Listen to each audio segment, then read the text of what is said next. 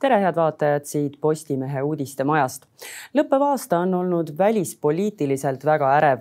akuutseid küsimusi on õhus palju ja et neile vastuseid otsida, selleks palusin ma enda tänaseks saatekülaliseks välisminister Urmas Reinsalu. tervist. tere.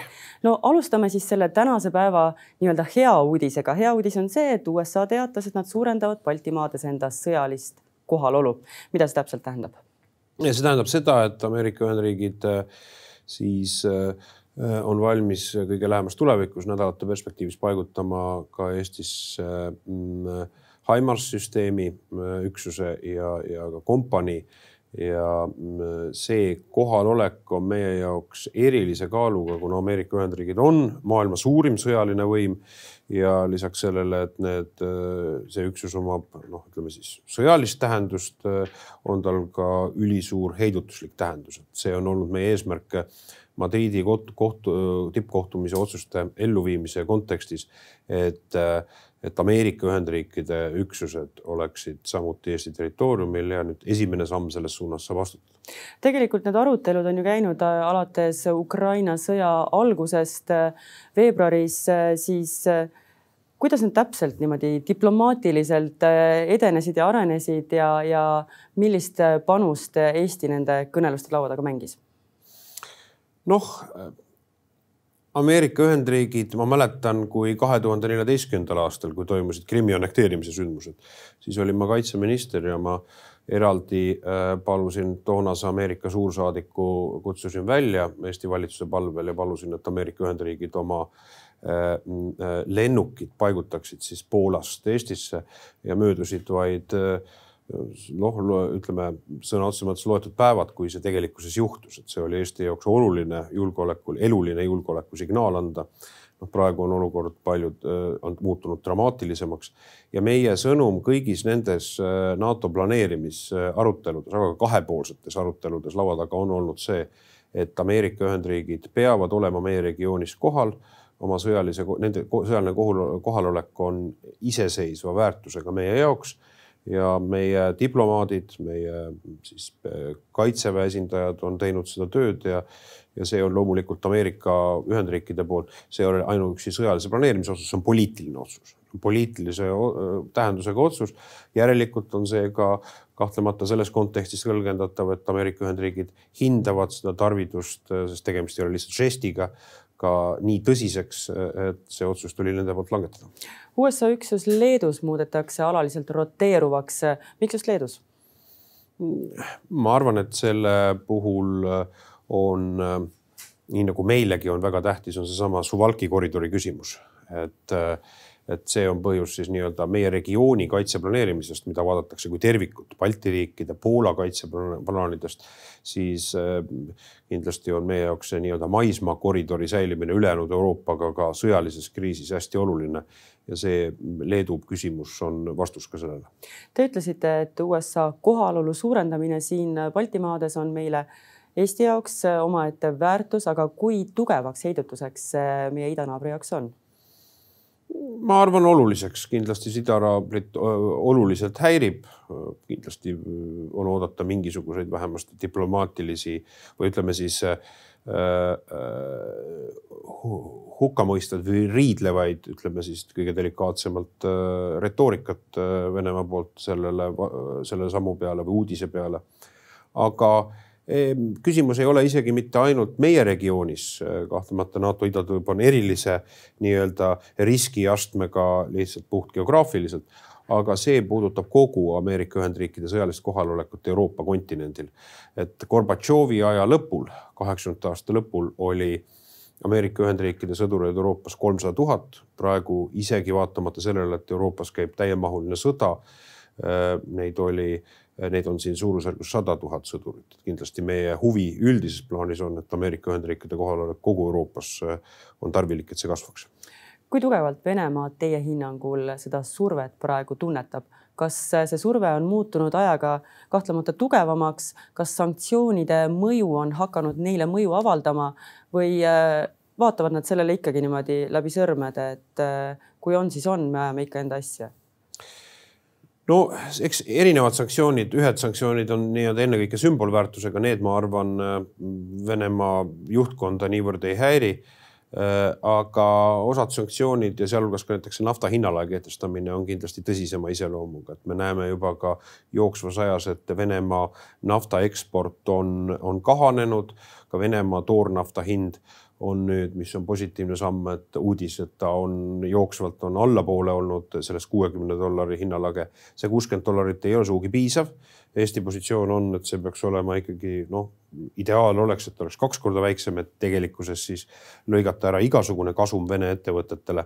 ja jaanuaris nii nagu eh, Poola, Eesti ja Leedu survel sai kokku lepitud Euroopa Liidu tasemel, see vaadatakse uuesti üle. me kindlasti läheme sinna ettepanekutega seda, kutsuda üles seda alandama nii et põhiline tulu praegu Venemaal tuleb äh, oma loodusressursside müügist ja mida rohkem me suudame sealt Venemaa ettevõtetel ja sealtkaudu Venemaa riigi kasumit vähendada, seda nõrgem on Venemaa sõjamasin. teine usu oluline samm, mida äh, nüüd lähitulevikus hakatakse arutama Euroopa Liidu tasemel. Euroopa Komisjon on oma eelanalüüsi teinud, puudutab siis Euroopa Liidu poolt külmutatud Venemaa või Venemaa sanktsioneeritud isikute varade mis praegu on noh, nii-öelda nad on Venemaa omandis, aga et nende pööramist siis Ukraina abistamiseks, sest need summad on kolossaalsed, need on summad on ikkagi kolmsada miljardit on Venemaa riigivarasid Euroopa Liidu liikmesriikide poolt külmutatud, mitukümmend miljardit, lisaks veel siis konkreetsete noh, nii-öelda ettevõtete vara. ettepanekuid sellel suunal on tehtud ju tegelikult korduvalt. millised õiguslikud takistused sellel teel ees seisavad? Õiguslikud takistused on, et kindlasti on oluline, et see oleks üle-euroopaline, kuna noh, ennekõike suuremates äh, Euroopa riikides, kus on finantskeskused, ennekõike nemad on seda suurema ressursi osa külmutanud. Ja mm, äh, eks omandiõiguse puhul mm, on riikidel, äh, võivad olla teatud kõhklused ka Euroopa Liidus tervikuna seda Euroopa Liidu sammu astuda, pidades silmas seda, et Venemaa võib Äh, vastata ka oma sümmeetriliste sammudega. ma ei pea silmas mitte, et seal lääneriikidel oleks suurt vara Venemaa pankades või Venemaa kontrolli all, aga eks see võib puudutada siis ka mingeid lääneriikide ettevõtteid, juriidilisi isikuid. et äh, Eestil nii suurt äh, küsimust selles ei ole. põhi, meie jaoks on põhimõttelised küsimused ja sõja Ukraina võidu toetamine olulisema kaaluga, aga see võib olla mõningate riikide jaoks ütleme teatavat ettevaatlikkust esile kutsuv no sanktsioonid on kahtlemata head eh, diplomaatilised hoovad, millega Venemaad survestada ja teadupärast esmaspäeval hakatakse arutama uusi sanktsioone, mida võiks Venemaale kehtestada. mis on Eesti-poolsed ettepanekud? Esmaspäeval toimub Euroopa Liidu välisministrite koosolek. Eesti on seisnud juba noh, teist kuud selle eest, et see üheksas sanktsioonide pakett saaks edasi liikuda venitusteta see ei ole seni juhtunud, põhimõtteline poliitiline valmidus deklareeriti ka nafta hinnalae otsuste vastuvõtmisel, see oli meie jaoks üks tingimus samuti. Nüüd meie jaoks on ennekõike Venemaa äh, finantssektor, on veel suur rida Venemaa panku, mis ei ole SWIFT, SWIFT süsteemist välja võetud. samamoodi ka Venemaa äh, finantsvaldkonna muud küsimused puudutavalt seal äh, finantsteenuseid, puudutavad kindlustustegevust kindlasti eraldi plokk teemasid on ka Eesti ja Balti riigid on korduvalt lauale pannud ikkagi üle-euroopaline Vene kodanike sisenemiskeeld, Vene propaganda täielik keelustamine, teatud vormides ta ikkagi Euroopa suunal ei ole kõiki samme astutud ja loomulikult siis ka kaubavahetuse erinevate sektorite kitsendamine mida te arvate tribunali loomisest? Euroopa Komisjoni president Ursula von der Leyen tegi ettepaneku luua erikohus Vene kõrgemate ametnike üle õiguse mõistmiseks seoses Ukraina sõjaga. Ukraina on seda nõudnud juba pikemat aega, aga teatavasti ka seal seisavad poliitilised ja juriidilised takistused ees. ja see on ülimalt oluline samm aprillis, kui ma käisin Ukrainas, siis ma koos rahvusvahelise õiguse ekspertidega ka Ukraina riigi esindajatele andsin juba aprillis üle omapoolse niisuguse võimaliku tribunali põhikirja projekti.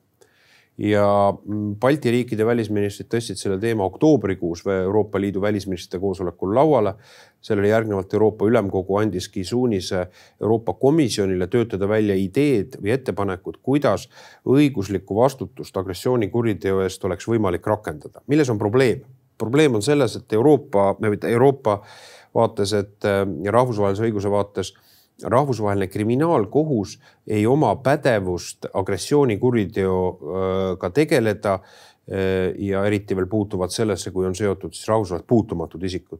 ja seetõttu on hästi oluline selle õiguslünga täitmiseks, et rahvusvaheline kogukond moodustaks lepingu alusel selge statuudiga tribunali, mis tegeleks agressioonikuriteoga. see on samm, et selle tagamiseks, et me ütleme, et me ei tagane sellest, et ka Venemaa kõrgem juhtkond peab kandma selle genotsiidisõja eest, mida ta on organiseerinud ja äh, ellu viinud, vastutust, sest muidu on see minu jaoks ikkagi silmakirjalik, et et äh, õigusega me võtame vastutusele, püüame võtta vastutusele ja riigid teevad koostööd, ka Eesti aitab oma ekspertiisiga et need sõjakurjategijad, kes äh, tulistavad tänavatel, okupeeritud territooriumidel tsiviilisikuid, äh, panevad toime sõjakuritegusid, aga see kõrgem juhtkond, see, kes tegelikult, kelle poliitilise otsuse tõttu kogu see, äh, kogu see kuritegu aset leiab, et see võiks otsekui pääseda, et see kindlasti ei saa olla lahendus, millega leppida.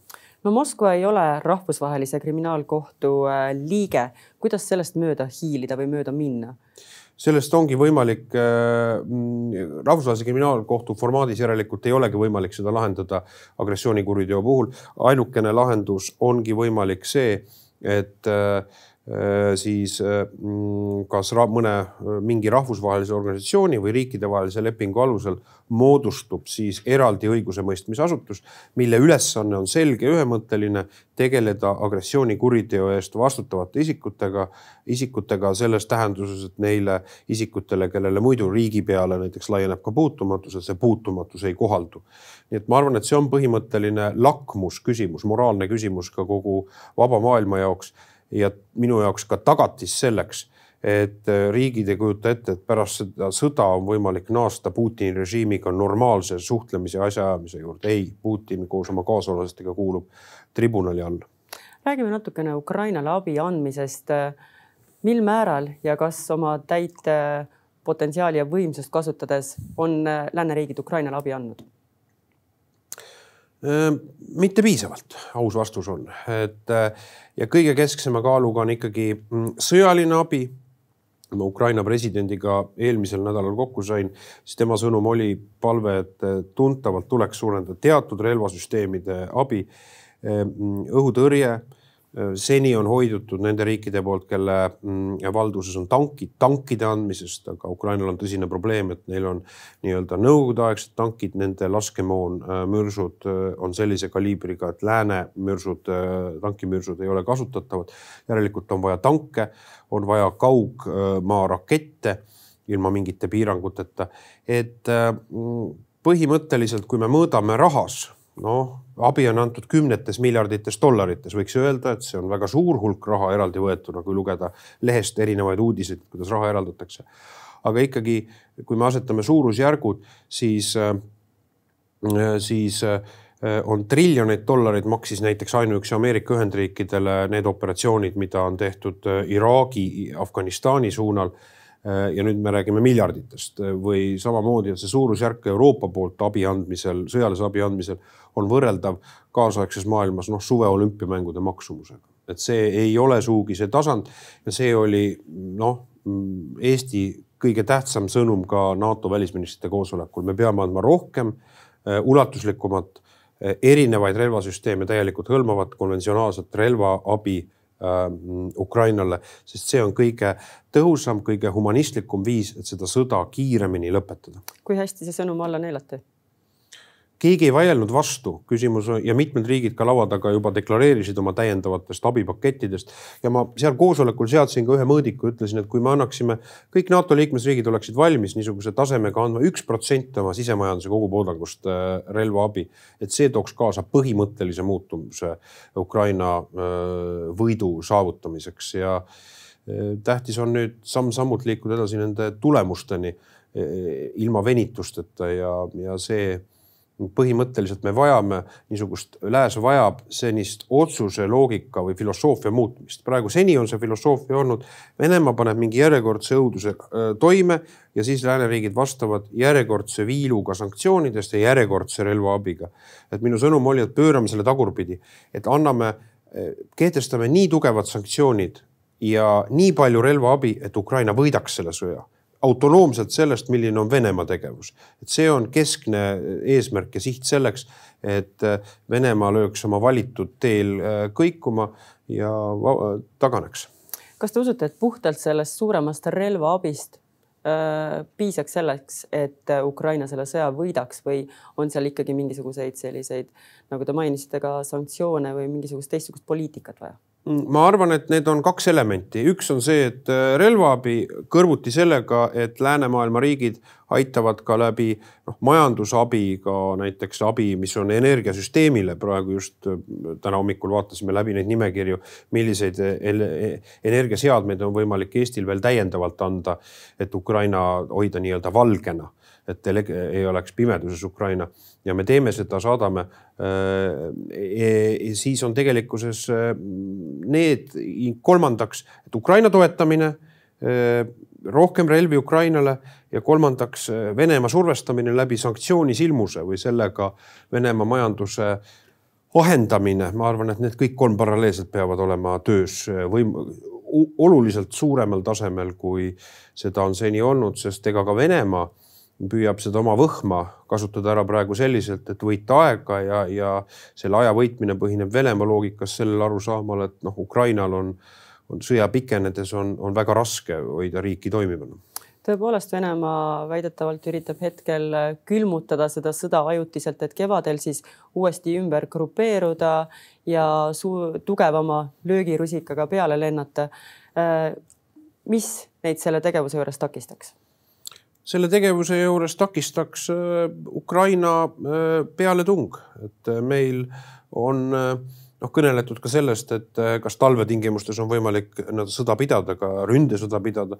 noh, me ei tohi ära unustada seda, et tegelikkuses ju sõja selle ulatuslik faas algas ju talvel, et kahekümne neljandal veebruaril sellel aastal.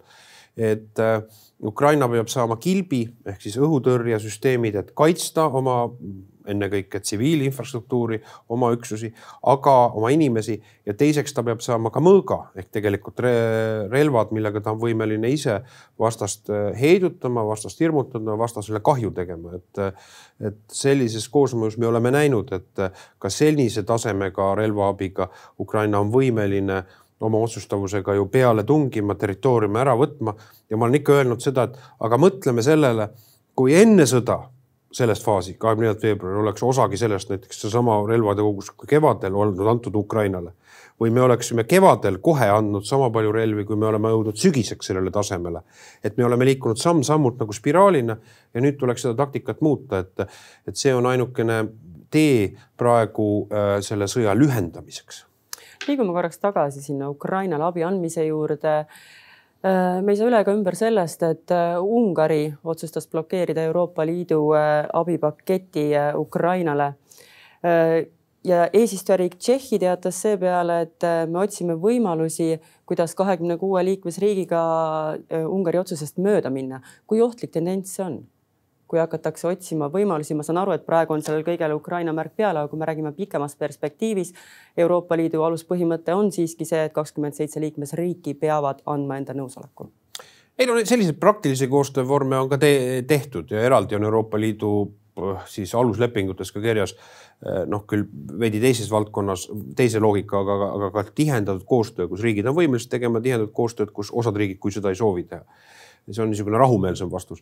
Äh, tõsine vastus loomulikult on, et see on äärmiselt häiriv, et Ungari praegu nii tõsist asja, äh, elu ja surma küsimust äh, käsit-, noh, seob nagu muu, seob nagu nii-öelda praegu, takistab sellega edenemist kindlasti ma arvan, ma eeldan, et see tuleb Euroopa Ülemkogul riigipeade ja valitsusjuhtide tasemele jutuks ning kui seal ei leita lahendust, et Ungari on nõus aktsepteerima mm, seda ühist, juttu ei käi mitte abi andmisest nii-öelda tagastamatult, aga laenude andmist, et Euroopa riigid või Euroopa Liit annab siis oma riikide garantiiga laenu. kui seda ei leita, siis tuleb mingi muu moodus leida, sest ei saa olla sellist olukorda, kui noh, Euroopa Liit on ikkagi keskselt suurim majandusliku abi andja ja laenude andja äh, riikide ühenduse mõttes äh, äh, Ukrainale, et Ukrainal on väga suur defitsiit, et riiki suudaks funktsioneerivana hoida, et ja ega turgudel ei ole moraali, et kui seetõttu on hästi tähtis, et see otsus tuleks viivitamatult, et oleks ka nii-öelda äh, Ukraina niisugune finantsusaldusväärsuse jaoks stabiilsus, et on teada, et neil on noh, lähem, pikema aja jooksul tagatud äh, majanduslik funktsioneerimine riigina, sest ega Venemaa eesmärk, olgu ta teeb pealetungi rindel või ta purustab rakettidega infrastruktuuri või ta lihtsalt hirmutab ja külvab ebausaldusväärsust äh, või teadmatust. tema eesmärk on noh, Ukraina kui riiklik ühik laiali lammutada, et, et ta lõpetaks funktsioneerimise ja seetõttu on selline finantsabi täpselt sama oluline kui relvaabi, et noh, riik suudaks püsida nii-öelda veepinnal Lähme ikkagi tagasi selle teema juurde, et kui äh, see vetoõigus nii-öelda piltlikult öeldes korstnasse kirjutatakse, siis milliseid kanaleid pidi oleks võimalik äh, Tšehhil see tee leida? Seda Euroopa äh, Komisjoni õiguseksperdid analüüsivad, et millele see Tšehhi äh, eesistujariigi esindaja viitas. sellest on ka välisministrite koosolekul arutatud, et kas on võimalik tekitada niisugune skeem, kus siis äh, kõik ülejäänud liikmesriigid panustavad ja siis Ungari on ise deklareerinud, et siis ta annab ise raha, et talle ei meeldi see moodus, kuidas raha antakse, aga ta on nõus ise oma eelarvest siis seda raha eraldama laenu andmiseks Ukrainale Äh, see on loomulikult keeru-, äh, selles mõttes keerulisem, et siin võivad riikidel tekkida mingid teised probleemid veel, et kõige lihtsam äh, oleks olnud see tee. ma loodan, et sellel teel ehk õnnestub veel lähemas tulevikus lahendus leida. kui see ei juhtu, tuleb leida mingi muu moodus, et ei saa olukorda välja, et me tõstame lihtsalt käed üles, et see on muidugi äärmiselt kehva, mida Ungari on nüüd loomulikult äh, mitte seda avalikult välja öeldes, aga poliitikas me tajume, asjad on omavahel seotud, see, et Euroopa Komisjon on nüüd blokeerinud siis äh, Ungari nende välja, vahendite väljamaksmise, mida ka Euroopa riigid peavad otsustama hääletamise teel. ja nüüd on need asjad kokku, kokku saanud puntrasse, minu meelest noh, nii-öelda inimlik äh,, väärtuseline on teatud asjad, mida ei saa poliitikas, teinekord tehakse küll, seotakse erinevaid asju kokku, aga noh, see, kus on tegemist genotsiidisõja tõrjumisega, Euroopa mm, rahvaste vastutusega, et aidata aidata teist Euroopa rahvast äh, selles sõjas. ma arvan, et need asjad ei, ei ole, on, ei ole kuidagi aktsepteeritavad. kas teie hinnangul tuleks tulevikus äh, kahekümne seitsme liikmesriigi konsensus, konsensusnõuet äh, lõdvendada? ei, see on nüüd kahe otsaga, et sama näide on, et üks, üks asi, kus on probleem, aga teine asi on tegelikult kasvõi see nafta hinnalagi, kus, kus, kui see oleks olnud häälteenamusega otsustatav, siis ei oleks Eestil, Poolal, Leedul olnud midagi seal laua taga öelda, see oleks meie üle, mäng oleks käinud üle meie peade. praegu me saime määrata väga olemuslikult eh, noh, seda, selle poliitika kujundamist, mitte piisavalt, aga siiski saime oma sõnumi ja kehtestada teatud põhimõtted, et seda hinnalage vaadatakse üle, et see on madalam komisjoni esialgset pakutust. et eh, üheksanda sanktsioonipaketiga minnakse edasi, nii et eh, nendes asjades on Mm, et ei tohi ainult ühe pretsedendi põhiselt neid otsuseid langetada, et ma ei pea seda loomulikuks, et, et kui me loobuksime ühehäälsusest Euroopa Liidu hääletamisel, läheksime üle häälteenamusele, kvalifitseeritud häälteenamusele, siis sisuliselt Põhjala riigid, Balti riigid, Poola kokku ei omaks mingisugust mõju otsusele, et see sündiks täiesti autonoomselt meist. ma arvan, et välispoliitika on nii tundlik teemade ring, et siin on äärmiselt tähtis, et riikidel oma mõjutamisvõimalus oleks. Nüüd küsimus sellest Ungari küsimusest. noh, Ungari küsimus ei ole mitte, ma arvan, juriidiline küsimus, Ungari küsimus on tegelikult hoiaku küsimus ja see hoiak on kindlasti selline, et me ühemõtteliselt kutsume üles Ungarit noh, sellisest, sellisest lähenemisviisist ja teest äh, loobuma meil saateaeg hakkab ümber saama, ümber hakkab saama ka see sünge aasta kaks tuhat kakskümmend kaks. sellega seoses ma küsingi, mida teie enda ametipostil selle aasta numbri sees kindlasti äh, sooviksite veel ära teha välispoliitiliselt? esiteks nagu äh, kõige olulisem on praegu äh, anda sõnum, et minnakse edasi rahvusvahelise tribunaliga. teiseks see, et meil õnnestub üheksas sanktsioonide pakett jõustada, vaatamata teatud ka keerukustele, mis sees on. ja kolmandaks, et meil õnnestub äh, hoida, mm, siis saavutada ka teatud põhimõtteline lähenemine, mis puudutab siis Äh, nii-öelda külmutatud Vene varade kasutamist Ukraina ülesehitamist. vaata, vaata, asetame asjad perspektiivi. praegu see kauplemine Euroopa Liidu tasemel käib kaheksateistkümne miljardi laenust. aga samal ajal seisab Euroopa pankades, kus iganes seal äh, on külmutatud kolmsada miljardit. tunduks ju tervemõistuslik, et kasutada seda raha Ukraina abistamiseks ja, ja see annaks jällegi hoopis teise tasandi Ukrainale nii-öelda seda sõda, võitlust pidada ja võita. Urmas Reinsalu, ma tänan teid nende kommentaaride eest. ja ma tänan ka teid, head vaatajad